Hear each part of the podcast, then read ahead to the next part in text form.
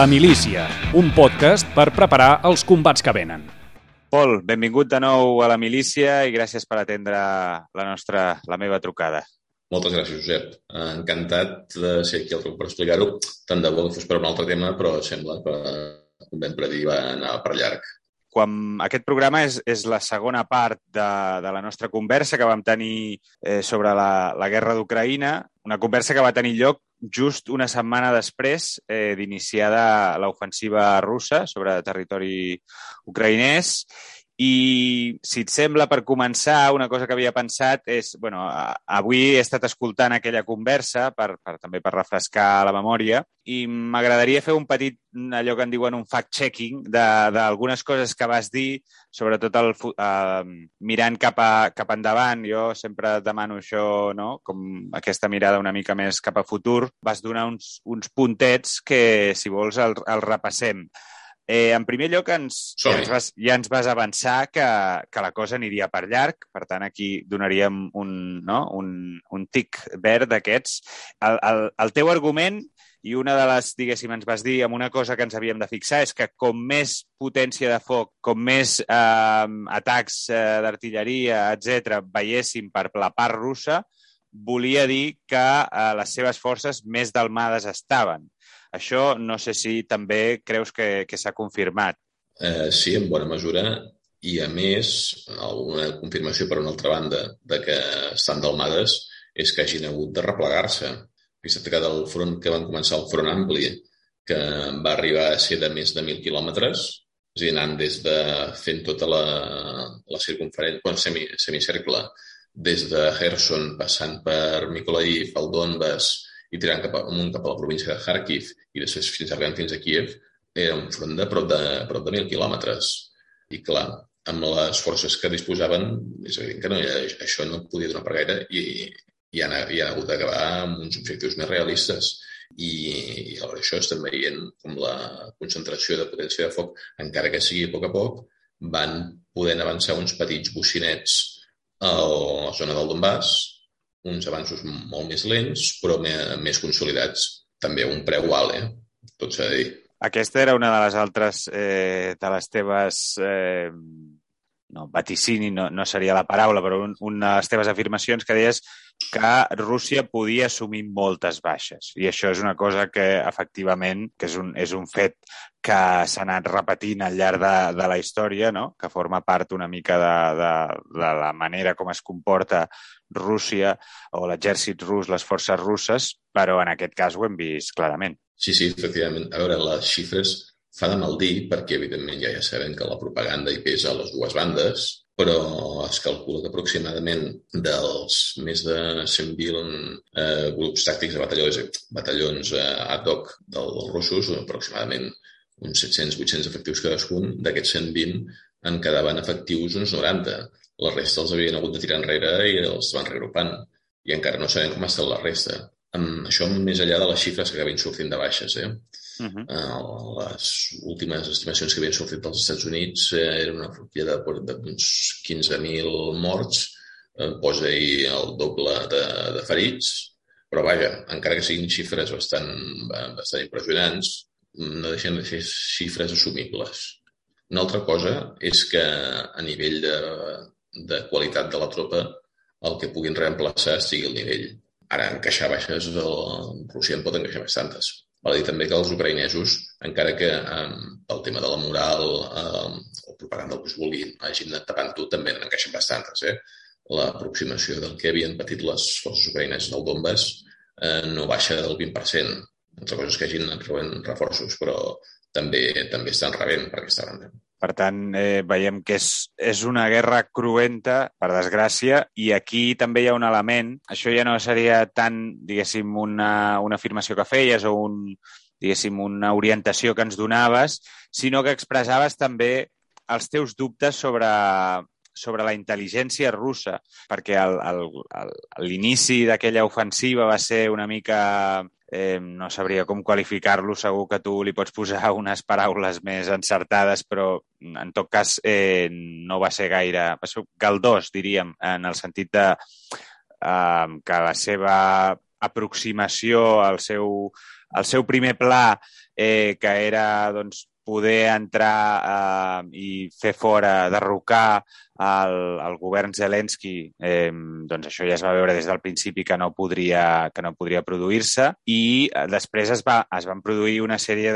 d'imatges també eh, multiplicades segurament en la nostra percepció per la, per la propaganda ucraïnesa i occidental en general, que ens feien pensar doncs, que la resistència ucraïnesa era increïble i que els russos eren uns inútils, cosa que s'ha anat veient que tampoc eh, acabava d'encaixar amb la realitat, però sí que és veritat que tu deies que no acabaves d'entendre com el, la intel·ligència russa havia menys tingut eh, la, la capacitat de, de les forces ucraïneses de, de, això, de resistir, no? Sí, aquí en, en aquesta valoració inicial, com en tot, eh, les informacions són, eh, sempre limitades, i parcials i bé, clar, i necessites un temps per fer-te una idea de les coses.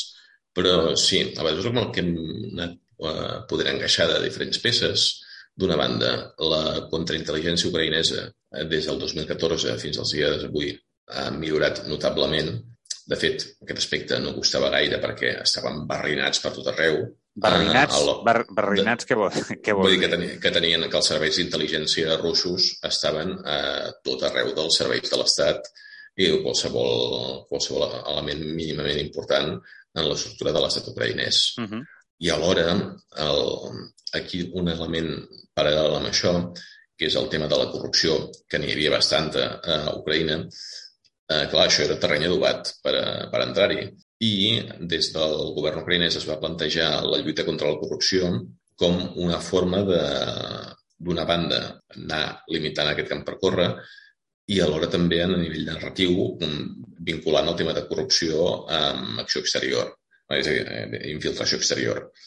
I sí, mirant documents, això ja venia de l'any passat, del documents de, de llibres blancs i documents de defensa de l'exèrcit ucraïnès, veies que ells mateixos no s'amagaven de que encara avui hi havia problemes de corrupció.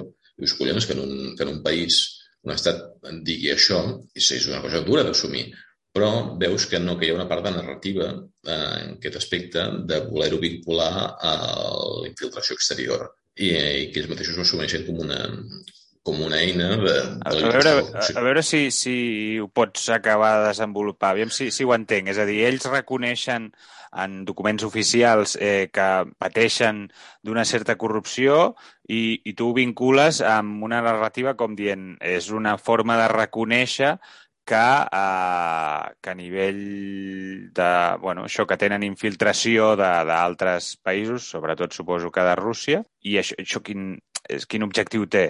Doncs anar-los limitant el camp. És a dir, si tu, eh, si tu tens gent en situacions eh, compromeses, parlo de qualsevol país que té alguna, algun punt vulnerable, doncs eh, sempre que estiguin fals, sempre és més fàcil comparar-la, no? Doncs en aquest aspecte anava.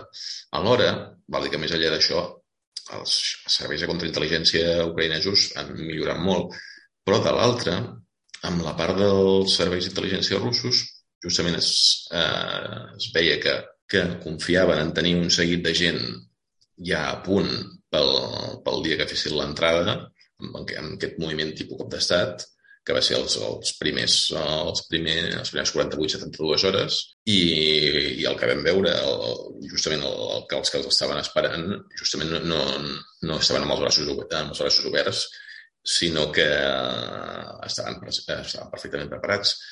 I era això, aquest aspecte, els serveis d'intel·ligència russos doncs van donar una imatge del que es trobarien que justament no era.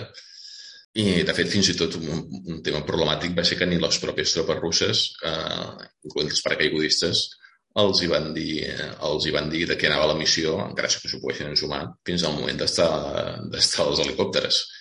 I, I, clar, els fracassos inicials doncs, van, van anar sumant. I això, això a què ho atribueixes? Perquè aquí també hi ha una gran dosi de, de, bé, de, de narratives vàries en què mm. es parla des d'aquesta típica...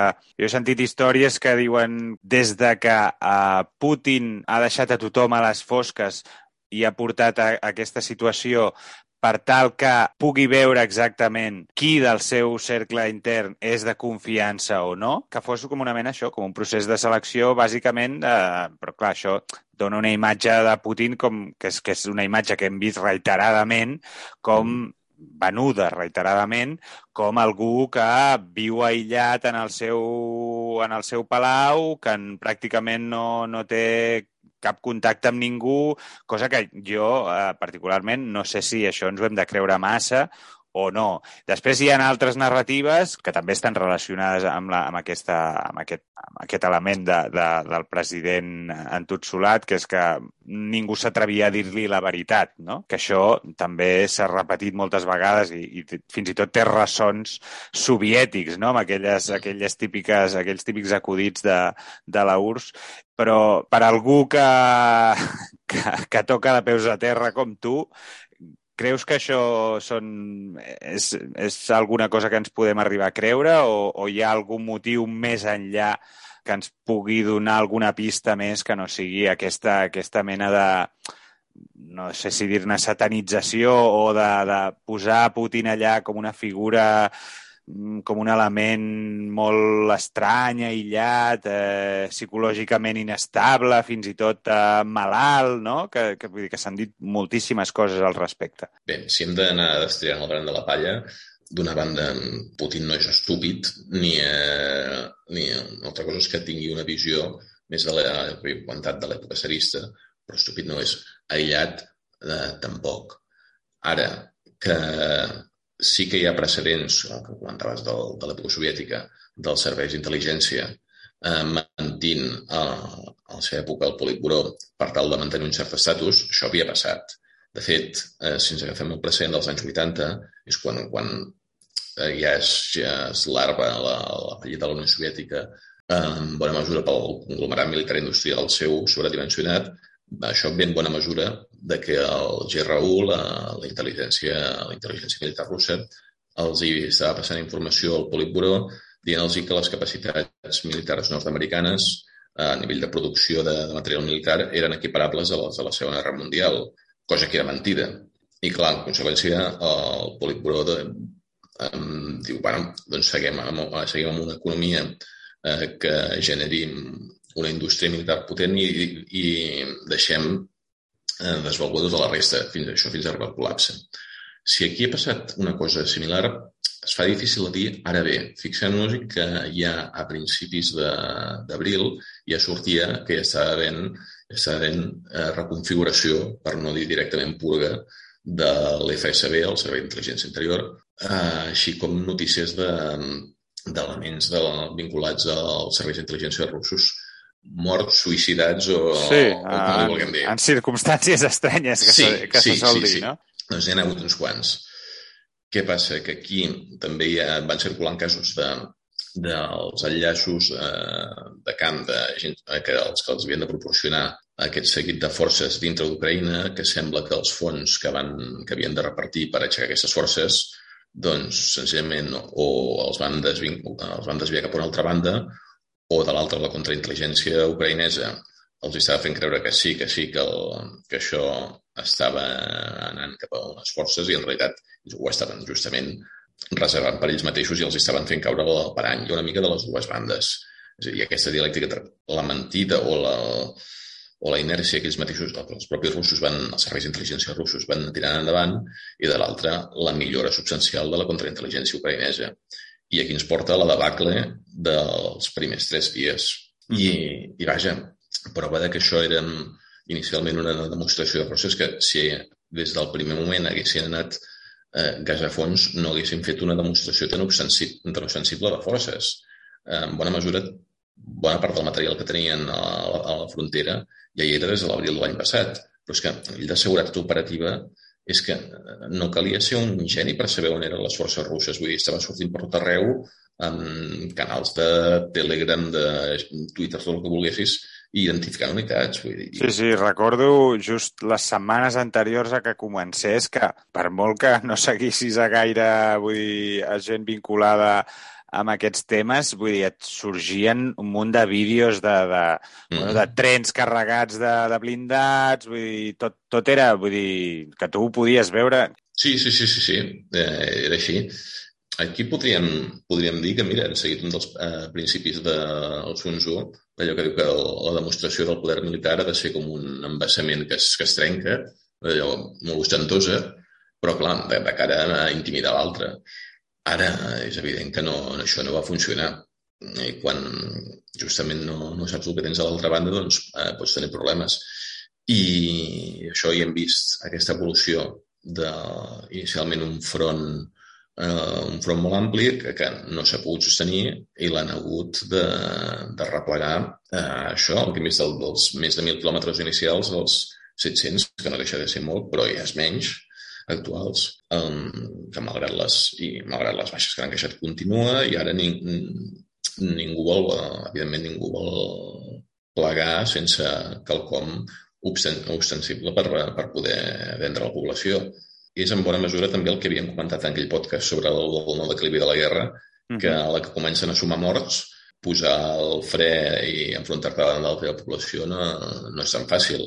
Tothom vol tenir-ne alguna cosa s'ha comentat, s'ha valorat, s'ha fet l'anàlisi d'aquests eh, tres, no, dos mesos i mig, no? Mm, portem uns 75 mm. dies, que s'ha produït l'evolució d'aquest conflicte en diferents fases. Llavors, eh, podries eh, explicar-nos una mica aquestes fases en què han consistit? Una mica ja ho hem anat explicant, òbviament. Eh, la primera fase eh, seria, diguéssim, a l'inici, a com es reconfigura aquesta, aquest atac rus, que ja partia d'un front ampli, com deies tu, eh, però hi ha algun punt d'inflexió en què es pugui parlar de, de, de passar de la fase 1 a la fase 2? Eh, com... Hi ha, un, hi ha un moment quan comencen a arribar els reservistes, a tornar la, els reservistes ucraïnesos, a arribar a les seves unitats, perquè un dels punts, un dels errors ucraïnesos a l'hora de la fase inicial de la guerra és no ordenar la mobilització general eh, fins al mateix dia que comença la guerra. Què va passar? Que va haver-hi una desbandada, el seu exèrcit majoritàriament de lleva, la, això part dels homes van, van fer el que faria qualsevol persona, podríem ser nosaltres mateixos, agafar i posar les seves famílies a recer i després reunir-se amb les seves unitats amb el qual, durant els primers, eh, els primer, el primer mes ben bé, va haver-hi un desgavell important, moltes unitats estaven infradotades, amb l'excepció de les unitats del, del front del Donbass, que per raons òbvies, doncs aquestes sí que eh, estaven amb, amb la major part de la, de la seva dotació, però la resta no. Clar, eh, això es, explica el fet doncs, que, per exemple, els russos haguessin pogut estar pressionant en tant terreny i, el front de, i en el front de Kiev no, hagués, no es pogués donar un contraatac fins eh, ben avançat al cap d'un mes de conflicte.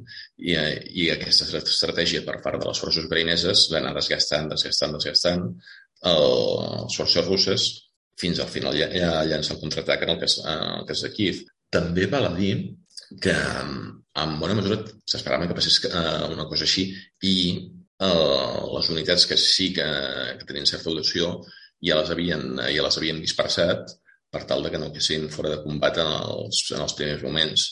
Pensem, per exemple, en la, la batalla de Chernihiv, és a dir, l'abans des, del, des de la riba, des de la riba est del Dnieper en direcció a Kiev, que allà és on hi havia la, la quarterada, la, la primera divisió cuirassada ucraïnesa, aquesta unitat, de fet, i eh, anaven sortint informes que apareixien en diferents llocs, des de la pròpia ciutat de Chernihiv fins al sud just al costat de Kiev.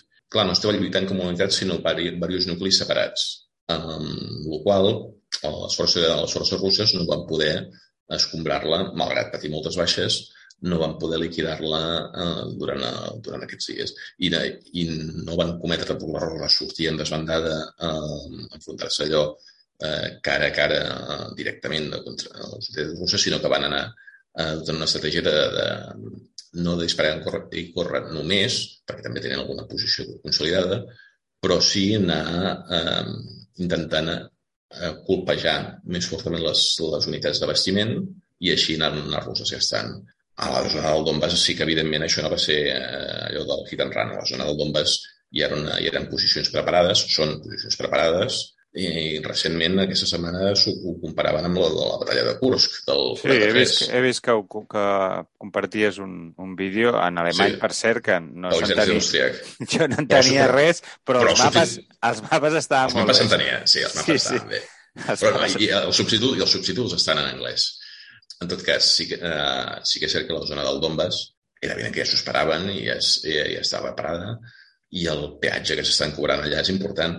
Eh, fixa't, per exemple, que el que era la, la línia de contacte, la, el front inicial que va quedar de, després del, dels acords amics del 2015, a la ciutat de Donetsk pràcticament està, eh, està a tocar del, del front i, i prou feina s'ha mogut d'allà. I això és en bona mesura la, les posicions defensives que ja havien de preparant. En canvi, altres llocs com la, al sud, a la zona de, de la línia que des de Crimea fins a, fins a Kherson, allà sí que han avançat molt però també aquí el, hi ha el fet de que l'estat major coreanès va mirar de no dis, eh, dispersar, és a dir, comprometre les forces uniformement a tot arreu i a algun punt havien de deixar algun, algun buit. I ell és un dels punts en què, després que evolucionen, s'ha quedat més o menys estancat, cada setmana avancen o retrocedeixen, però ni un bàndol ni l'altre pot, eh, pot acabar de fer un moviment decisiu allà. Veurem què passa les properes setmanes. I ara estem en aquest impàs en què la, el front de, del nord de Kiev ja, ja, ja està mort, vull dir, i pel que es veu les forces bielorusses no, sembla que ja no moren en dit. Aquí el president Lukashenko ha anat fent equilibris entre Moscou i els seus propis interessos i, i sembla que això que no, ja no hi haurà més moviment. Al, al front de Kharkiv, la, les forces ucraïneses ja estan empenyent Eh, forces russes en direcció a la frontera, i el més dur ara és el de la zona del Donbass, que sembla que ja finalment ja han pogut enviar-hi enviar, més reforços.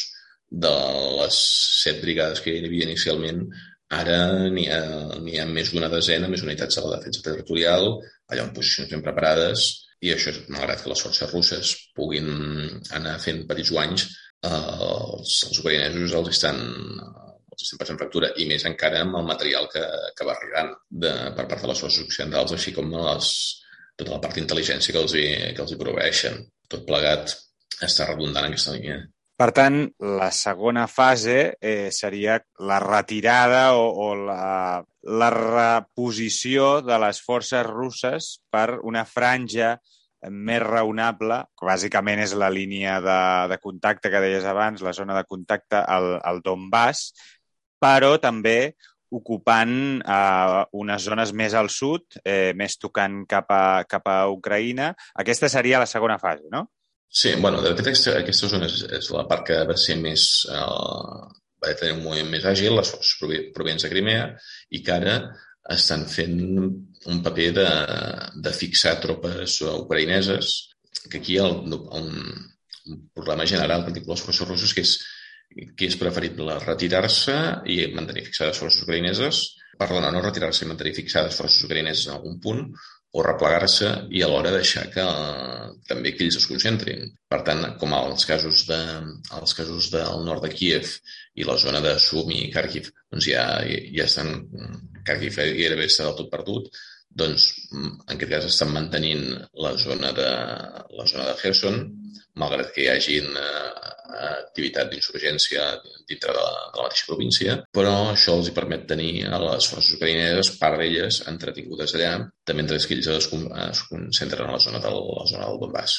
Aquesta és, si, si haguéssim hagut de fer, abans de que comencés eh, el conflicte, haguéssim hagut de fer una aposta sobre quines pretensions tenien, eh, tenia a nivell, sobretot, polític eh, el govern rus respecte a Ucraïna, haguéssim dit que el que hagués volgut fer és eh, posar eh, de, una situació que era de facto, eh, guanyar-la per la via de les armes, com és eh, tot el que és la, a la zona del Donbass, la República de Lugansk i de, i de Donetsk, no? si ho dic bé. Sí, sí, I, I, a més a més, guanyar aquesta, aquesta sortida al mar connectant Crimea amb, uh, amb el territori, no? Per tant, eh, això és, sí que és el que era previsible. Um, en, en les properes setmanes, què és el que hem d'esperar? Que, diguéssim, els combats es concentraran en aquesta, en aquesta mm. zona, entenc, no? Sí, i, eh, i és més, a la mesura que vagi arribant més material eh, cap a les forces ucraïneses, continuaran amb aquest avanç sense arribar a entrar eh, físicament al territori, en, en territori rus, encara que fent alguns, alguns atacs, com el que vam veure a Belgorod, però anant eh, avançant de l'est cap al cap a, de Kharkiv en direcció, en direcció sud-est, mirant de tallar les línies de bastiment que, cap al sortint que tenen d'una banda a la zona, a la zona d'Isium i a la que puguin doncs, anar, tallant encara més eh, mentre que, està, que estan les forces russes intentant avançar en direcció, per la zona de, de Lugansk i, i, anar, i anar seguint avançant a poc a poc per aquella zona.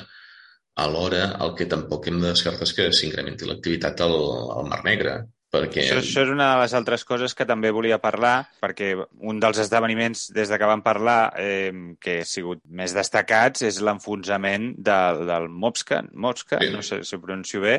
Eh, Moscova, sí. El Moscou, sí, sí, sí. El Moscou, que és un dels una de les, eh, dels vaixells importants de, al Mar Negre de, de la flota russa, no? Això, tu després, eh, en, el teu, en els teus fills i això també, que a més a més el tema naval eh, és en el sí. que igual ja estàs especialitzat i, i que t'interessa especialment. Parlaves també de que hi ha presència de submarins russos i que, per tant, aquesta també és una manera de... de bueno, és, és una altra... Hem parlat bàsicament de, de, de la terra, no? de l'exèrcit de terra. Al mar eh, també juga, té el seu protagonisme, no?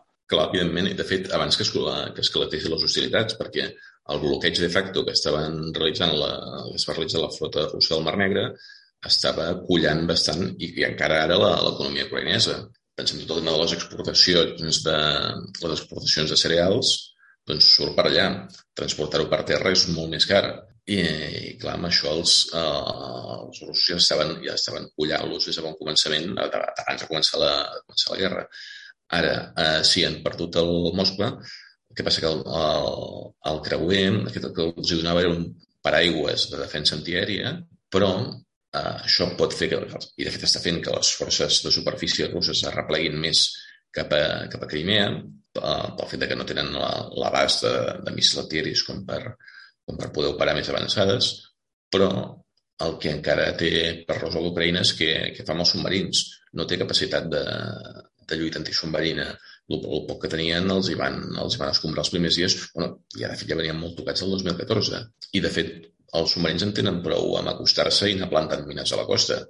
Tan senzill com això.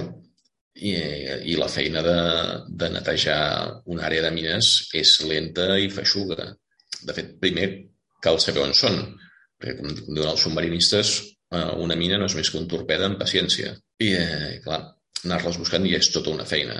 I, eh, i aquí sí que els, eh, les forces navals russes poden obligar els ucraïnesos a gastar un temps que no tenen eh, pel que fa a l'àmbit de l'economia.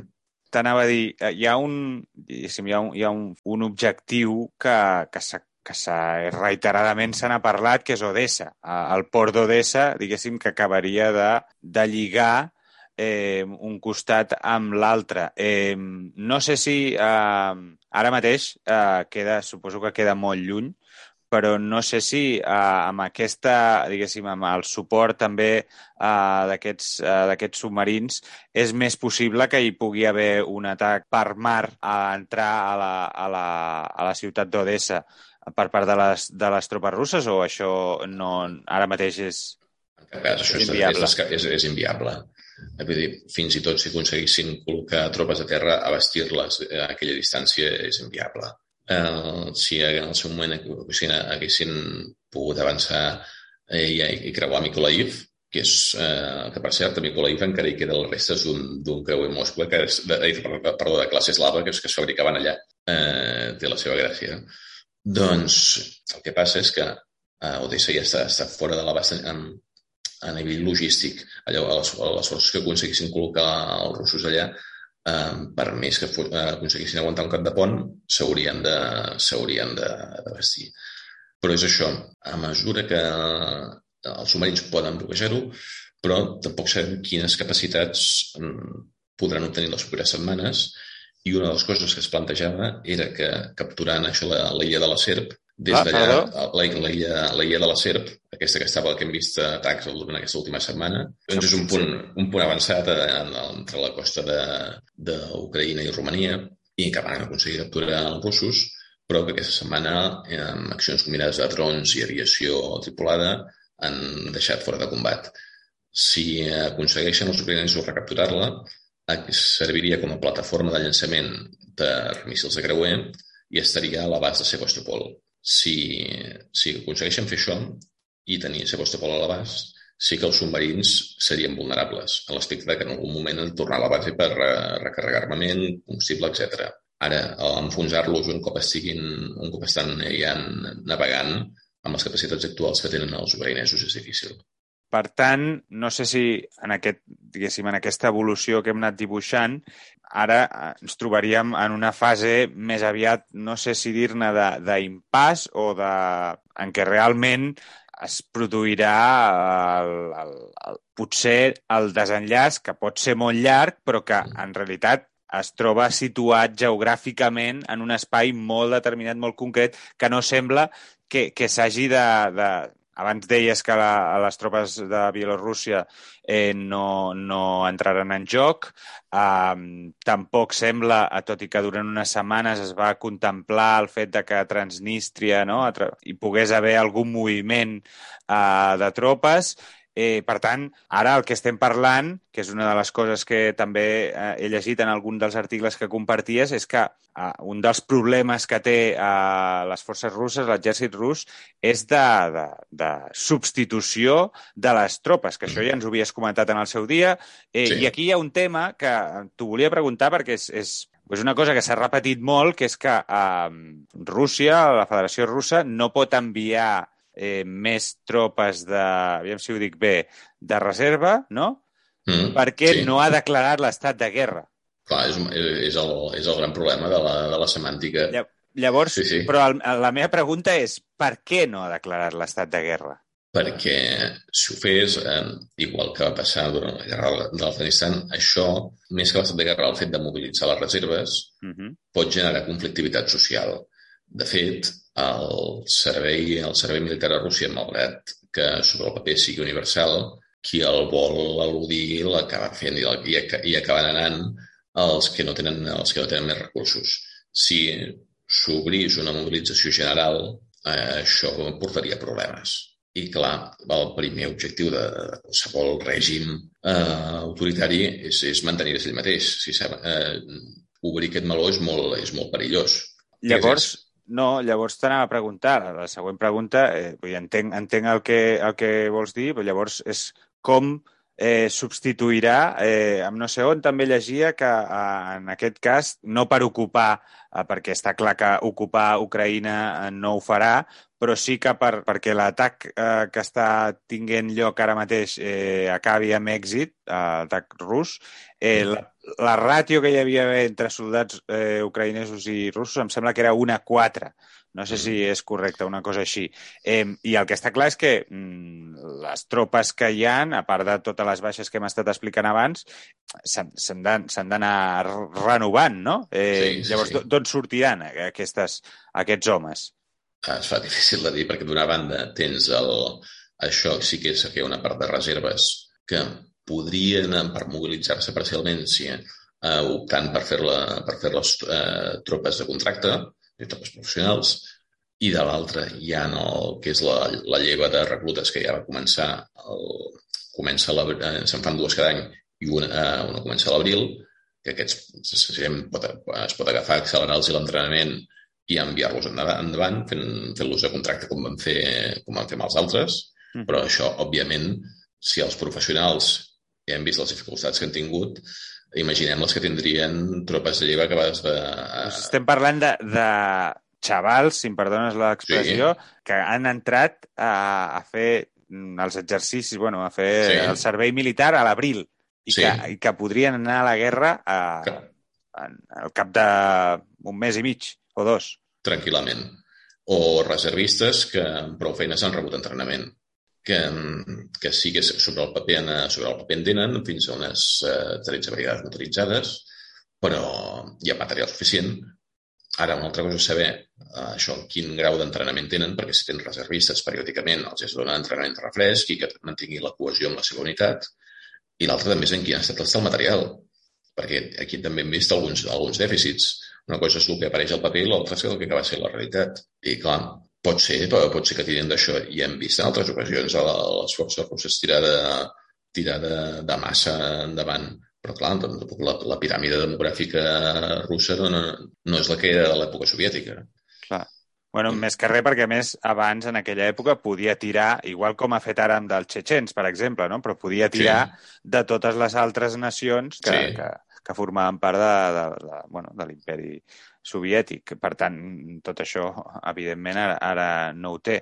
Clar, jo, que totes aquestes anàlisis tu vas, vas llegint, no?, el tema de la intel·ligència, el tema de, això, de la falta de, de, d'homes, no? de, de, de tropes, els problemes eh, que està tenint també a nivell, que no n'hem parlat avui, en vam parlar l'altre dia, a nivell eh, de la força aèria. Eh, I al final, Clar, jo no sé si és que és una visió que també està molt esbiaixada pel fet de, de, de tota la premsa i tots els mitjans occidentals, però acabes pensant que, que Rússia realment té molt, molt mala peça al taler. I no sé si, al final, no deixa de ser un, un dels exèrcits no sé si, no en tinc ni idea, eh, però el quart o el cinquè més, més gran i més potent del món, no? Entenc? Sí, però com, com tot, eh, una, una cosa és, això, que és el que t'apareix eh, sobre el paper i l'altra és el que va ser la realitat. Ja havíem comentat al, principi que, que això, que una de les solucions que, que havien trobat els russos per donar més, més eficiència era això dels battlegroups, les agrupacions aquestes de, de forces professionals, perquè justament no, no se'n podien refiar gaire de les tropes de conscripció. I, eh, i clar, i, i aquí tenim un problema, i, i a banda dels problemes històrics de maltractes cap a la pròpia tropa dins de, dins de l'exèrcit rus si aquests sistemes no hi posa remei, s'han intentat adreçar més un cop, però si això no hi, eh, no hi posa remei, redunda en la manca de cohesió i confiança en les pròpies tropes. Eh, clar, eh, el que, mira, justament el tema de les, el que comentaves d'abans de les ràtios, més enllà de que això tingui més o menys fonament, no, això de les ràtios de forces, quan has d'atacar, els alemanys a, a la campanya de França del 1940 no sobrepassaven a les forces eh, franceses i britàniques. I, de fet, a nivell de forces cuirassades en tenien més eh, els francesos i els anglesos, i fins i tot millors de, de qualitat que no pas els propis alemanys. Però tanmateix et trobaves que eh, soldats, perdó, soldats oficials, com oficials joves com, com un capità, havien tingut, havien participat en més maniobres que molts dels generals eh, francesos i britànics. Per tant, aquí, entrenament, cohesió dels equips, etc. Això pesa, és, és quelcom important. Per tant, el tema de les ràtios, el que apareixi sobre el país és una cosa i el que acaba passant és una altra. Mira, justament ara que tornem a parlar de Finlàndia, quantes vegades anem parlant del, del cas finlandès a la Guerra d'hivern, del 39-40, de, dels finlandesos aguantant contra forces soviètiques molt superiors. Doncs aquí el tema de l'entrenament i la cohesió del, del, de l'equip pesa. I clar, i una altra cosa també és el, sentiment de, de causa que tinguin els soldats. Una cosa és lluitar a casa teva i l'altra és una ofensiva en un lloc en què, de fet, no l'estan ni, ni tan sols guerra i contra gent que podrien ser els teus veïns. Eh, no, és, eh, no és ben bé el mateix, les motivacions que poden tenir uns i altres. No sé si... Eh, la veritat és que ara mateix no porto gaire, gaire bé el càlcul del temps que portem, que portem parlant, però ja que he preguntat, eh, bueno, he anunciat per Twitter que parlaríem i que he ofert la possibilitat de que algun, de, algun seguidor eh, pogués fer alguna pregunta, eh, si et sembla bé, eh, repassarem alguna, alguna de les coses. I una d'elles, per exemple, l'Òscar ens demanava precisament eh, què passa en Finlàndia, perquè avui mateix, eh, mm. avui estem parlant, em sembla, si, si no ho dic malament, eh, segons el teu fil de Twitter, estem al dia 76 no? De combat, 70, sí. 76 de combat. Eh, avui Finlàndia ha anunciat eh, oficialment que demanarà eh, l'ingrés a l'OTAN. Eh, què, què significa això? doncs justament l'argument que deia Rússia que no volia eh, que volia el mínim de, de frontera compartida amb, l'OTAN i tenir aquests estats eh, aquests estats estat, per dir-ho així, o territoris neutrals, o zones d'esportament, doncs amb la campanya d'Ucraïna se li ha girat en contra. Doncs els temors, eh, els temors històrics més o menys fundats, doncs eh, els països veïns amb Rússia s'han vist eh, fet realitat. I així com Finlàndia fa, fa un any es, es veiem, malgrat que fos un país decidit a defensar-se, són sortit les estadístiques, es, es veia, es veia mateix com seguir, amb la neutralitat. Clar, tota la seva memòria històrica s'ha fet ben viva en qüestió d'un dia, dia per l'altre amb la qual sí, dit, mira... Això, aquest... això en vam parlar el primer dia sobre els, els traumes aquests no? ah. que, que arrossegaven. Clar, i aleshores han dit, aquesta vegada no volem estar sols, com ho vam estar el 39-40, i després de la guerra de continuació de la Segona Guerra Mundial, hem dit, tira pel dret i entrem el més ràpid possible. Digues, Això és, és, és, és ràpid? Eh, en teoria no, no? En teoria és un procés eh, que pot durar sí, anys. Sí, pot, pot durar anys, però també depèn de la voluntat política i a nivell de capacitats. De fet, eh, les forces finlandeses eh, no només són homologables a les eh, interoperables amb les forces OTAN, sinó que en alguns casos són millors que la majoria de les forces OTAN. Hi ha hagut exercicis en què tropes de recluta finlandeses han derrotat forces professionals eh, noruegues. De la, vull dir, poca broma. L'entrenament dels soldats finlandesos és que com seriós i, eh, i dur, i així com el refresc dels seus reservistes s'ho prenen molt seriosament i, i ja saben el que significa eh, estar al punt de perdre o, o quedar neutralitzats durant molt, moltes i moltes dècades. De fet, en, en concloure la Segona Guerra Mundial, ben bé més del 10% de la població finlandesa que va convertir, convertida refugiada en problemes socials que van haver que al final es van acabar de fer expropiacions perquè la gent tingués un, un, un territori on, on terra ho poder cultivar. Vull dir, a Finlàndia el, el record de la Guerra d'hivern i de la Segona Guerra Mundial és, és ben viu. Uh -huh. I clar, i han dit, aquesta vegada no volem estar sols. Si et sembla... També hi ha un altre... Bueno, són usuaris d'aquests que es posen un munt de lletres i números i li direm Xavi, eh, que comenta... Bé, jo, jo ho lligaria una mica amb això de, de Finlàndia perquè també hi pensava abans, que sembla que hi ha com una petita... Bueno, hi ha com un dilema aquí que sembla que és un dilema, una paradoxa, no sé com es... que és que com, com, com pitjor li vagi a Rússia, sembla que mm. és més factible que pugui arribar a utilitzar algun tipus d'arma nuclear tàctica, això que en diuen sí. les, les ANT aquestes, que al final sí. és una arma nuclear més petita, entenc. Entenc Exacte, que, sí. que és, vull dir, que tampoc suposo que n'hi diuen tàctica per fer-ho més, més bonic, però vull dir que no deixa sí. ser una arma nuclear. Eh, I això és una cosa que també que amb, amb el tema de, de Finlàndia també pensava, no? És, és, com, és com una profecia autocomplerta. És a dir, jo Exacte. faig aquest atac perquè no s'expandeixi la OTAN, però la OTAN llavors s'expandeix més eh, per un altre quantó i això mm. és una, és una dinàmica que, bueno, parlant també del llibre aquell del Brau Müller, també també vam, vam, vam comentar-ho, no? Eh, aquest, aquest ens diu això, no? Aquest, el Xavi aquest diu, si, pregunta-li al Pol si no li fa por que l'aparent falta de solvència de les forces russes eh, i, i, i cert grau d'impotència els faci utilitzar armes nuclears tàctiques. T'ho deixo anar així. A veure, mm, primer en, en, seguim tot el procés que portaria a utilitzar-les. Eh, el concepte, va, per tal de fer-la servir, van amb dos objectius.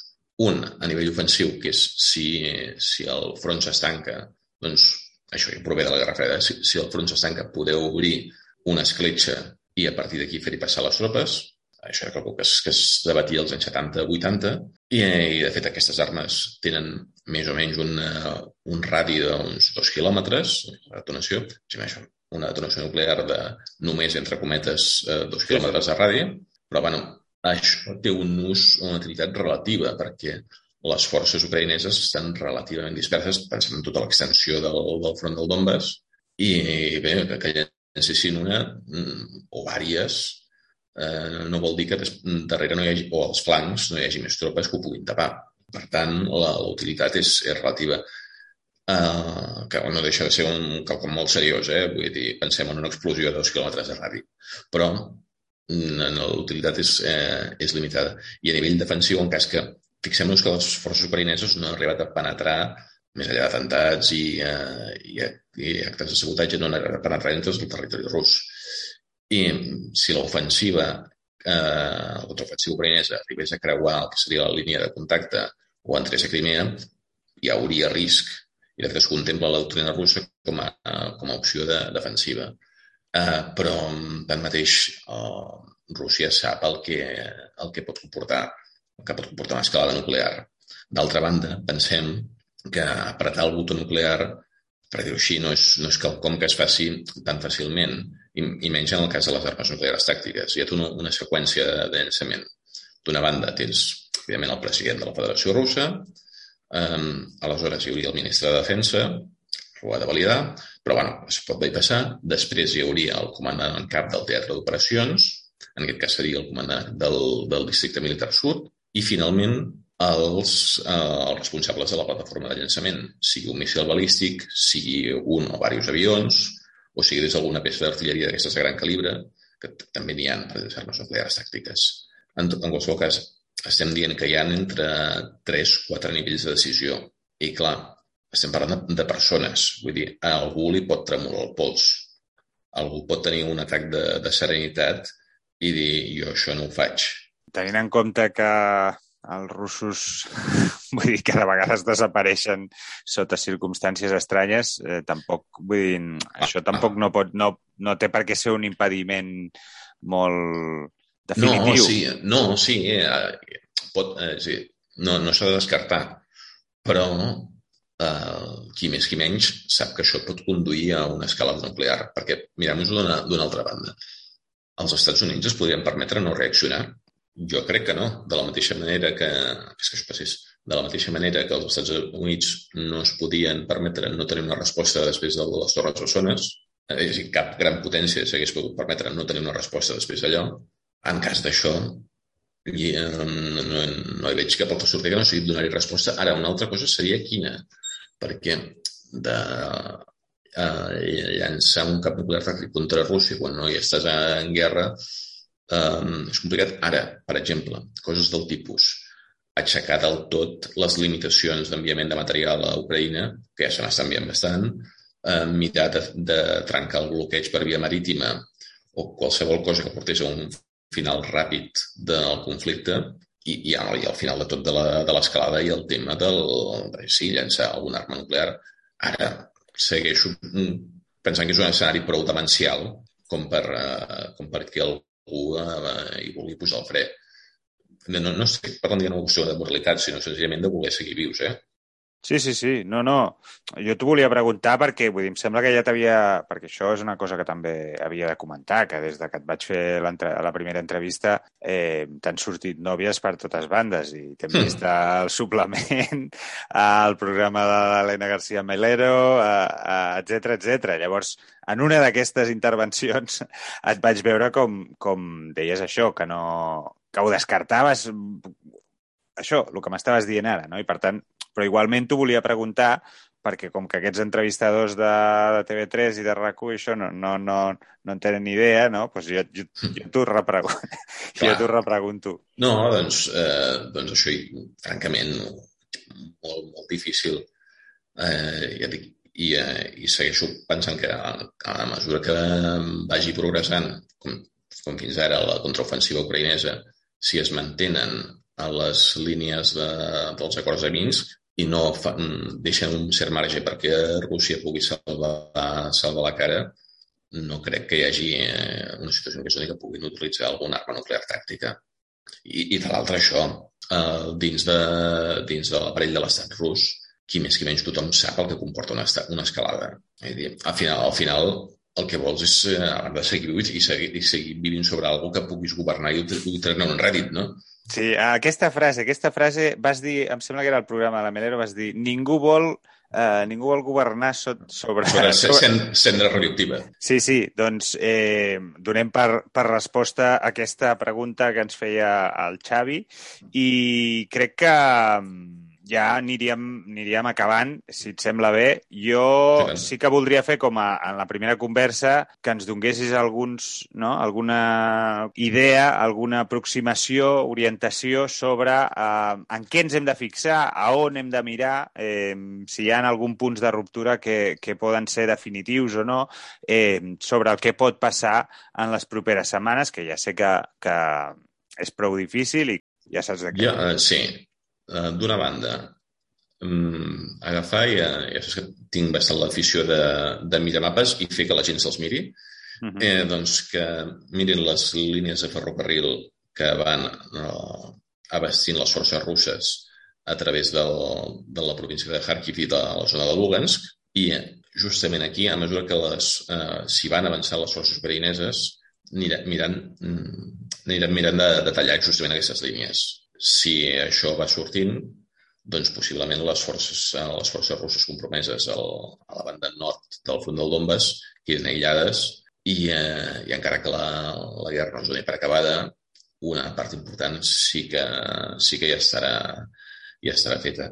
De l'altra, si això s'arribés a donar, les forces ucraïneses tindrien marge també per llançar un contraatac cap al sud. Mm, no, no vull donar parts expectatives que això servís per, eh, per rescatar la, el que encara pugui quedar a Mariupol, però sí que podrien mirar de recuperar un cert territori en aquella direcció. I alhora eh, això enllaça també amb com està la situació a Kherson, que no deixa de ser una posició avançada del que dèiem, per anar immobilitzant les forces ucraïneses. I el tema dels, eh, de l'activitat del Mar Negre, doncs el que hem dit. Si s'aconsegueix recapturar l'illa de la Serp, doncs eh, tindran un trampolí, per dir-ho així, des d'on disparar cap a Sebastopol. Que és una de les maneres per intentar... Obrir, el, obrir el, la via marítima i poder així anar, anar refent l'economia. I alhora també el tema de les exportacions de, de cereal. M'hagués agradat parlar del tema de la campanya de sabotatge que mm. s'ha vist en territori rus no sé si, si em poguessis fer un, un petit... Sí, no, és, hi ha hagut uh, dotzenes d'incidents, uh, aparentment, uh, aparentment sense relació, però si anem mirant els, uh, i, i, no, i sense ser uh, reivindicats per ningú, però si veiem el seguit d'objectius atacats, com uh, centres de desenvolupament de, de míssils o de, o de l'aviació, o eh, centrals, eh, centrals energètiques, dipòsits de combustible, tant, del, tant pel que fa a la zona més de la Rússia europea com de l'extrem orient. Vull dir, hi ha hagut atacs arreu. Eh, això, home, si fem el, el, la pregunta clàssica de, bé, encara que no siguin reivindicats, a qui beneficia, doncs crec que és evident. I, eh, i de l'altre, el Ministeri de Defensa ucraïnès i ja va dir allò de que ni confirmem ni desmentint, aquí van agafant també un cert, un certa, diríem, eh, posada en escena israeliana de quan no, no volen dir una cosa si l'han feta o no, però vaja, eh, crec que és bastant evident. Ara no s'ha de descartar tampoc que algú, algun, que algun servei d'intel·ligència hagi dit mira, mm, us paguem tant si ens envieu una foto d'algun incendi o el que sigui. Vull dir, tampoc eh, hi ha més actors en joc, però vaja, com que aquestes coses... I, i això està, estaríem parlant de, de drons no tripulats, per exemple? No, no, no, és molt més senzill. És molt sí? més senzill. Sí, és tan senzill com tenir algú a, a dintre de la fàbrica i, o de la instal·lació i anar fent. Pensem que la proximitat cultural russa i, eh, i ucraïnesa és molta. Vull dir, no és difícil per un ucraïnès fer-se. Moure's per per rus. Vull dir, no, no, no, no, no, és, no és difícil. Uh -huh. I, eh, igual que han desenvolupat les seves capacitats de contraintel·ligència, les capacitats dels serveis d'intel·ligència ucraïnesos d'operar fora, especialment en un país en què hi ha tanta proximitat cultural, doncs són més que, més que probables. Bé, eh, crec que amb això ja podem donar per, per acabat aquesta segona part. Eh, no ens agradaria fer una tercera perquè voldria dir que, que mm. s'ha acabat eh, la guerra, però si s'allarga, doncs eh, sempre m'agradarà comptar, comptar amb la teva veu, amb la teva sapiència, perquè ens orientis una mica en aquest conflicte. No, mai ara, uh, a, a tu per, per tornar-me a convidar. Veurem ara uh, a veure com, com està. Per cert, sí. per cert uh, em sembla que a la SEM, sí. eh, pels oients que no estiguin al cas, que, que segur que són molt pocs, el Pol Moles, amb què hem estat parlant, eh, és el president de la Societat d'Estudis Militars. A l'estiu feu una escola, Sí, no? a l'escola d'estiu farem justament aquí eh, al massís del Garraf, no, no confirma la ubicació, però en tot cas no, no, no, costa, no costa gaire d'imaginar. I justament una de les jornades la dedicarem a Ucraïna en tots els seus aspectes eh, dins de l'àmbit militar. I eh, sí, sí, teníem un altre programa, però era evident que això no podíem deixar no podíem deixar, deixar de banda i serà els dies eh, 25 i 26 de juny. Va. Eh, si algú si algú s'hi vol apuntar, eh, què ha de fer a la web? Entrant a la web, estudismilitars.estudismilitars.cat, omplir un formulari i també pagament, bueno, 75 pels socis i 90 pels, eh, pels que no ho siguin. I vaja, una experiència que, mira, que cada any va més. Molt bé, I molt bé. eh, està funcionant, està funcionant bastant bé. Després us treuen aquells articles Sí, és molt divertit, és molt divertit. que sembla que estigueu fent vés a saber què. Bé, Bueno, eh, estem fent el que haurien d'estar fent les institucions catalanes. per això, si més no, eh, és, és trist eh, vull dir que, que sigui per una ocasió com aquesta, però el fet de, abans feia conya, però el fet de que estiguis apareixent en mitjans de comunicació jo crec que és una, és una bona notícia, tant tu com la Bel Riu, per exemple, eh, Mm. del Catalunya Global Institute, eh, algunes veus eh, sobre relacions internacionals, sobre defensa que, que no són... Vull dir que, Que no siguin ni, ni lacrimògenes ni moralistes. I que sàpiguen de què parlen. Això sempre, sempre és interessant, és una bona notícia. És un pas, és un pas. I això, doncs, eh, ja ho sabeu, els oients, qui vulgui apuntar-se a l'Escola d'Estiu de la SEM, només ha d'entrar a la web. I, Pol, moltes gràcies per aquesta xerrada i fins a la A propera. A reveure. I A reveure, bona nit.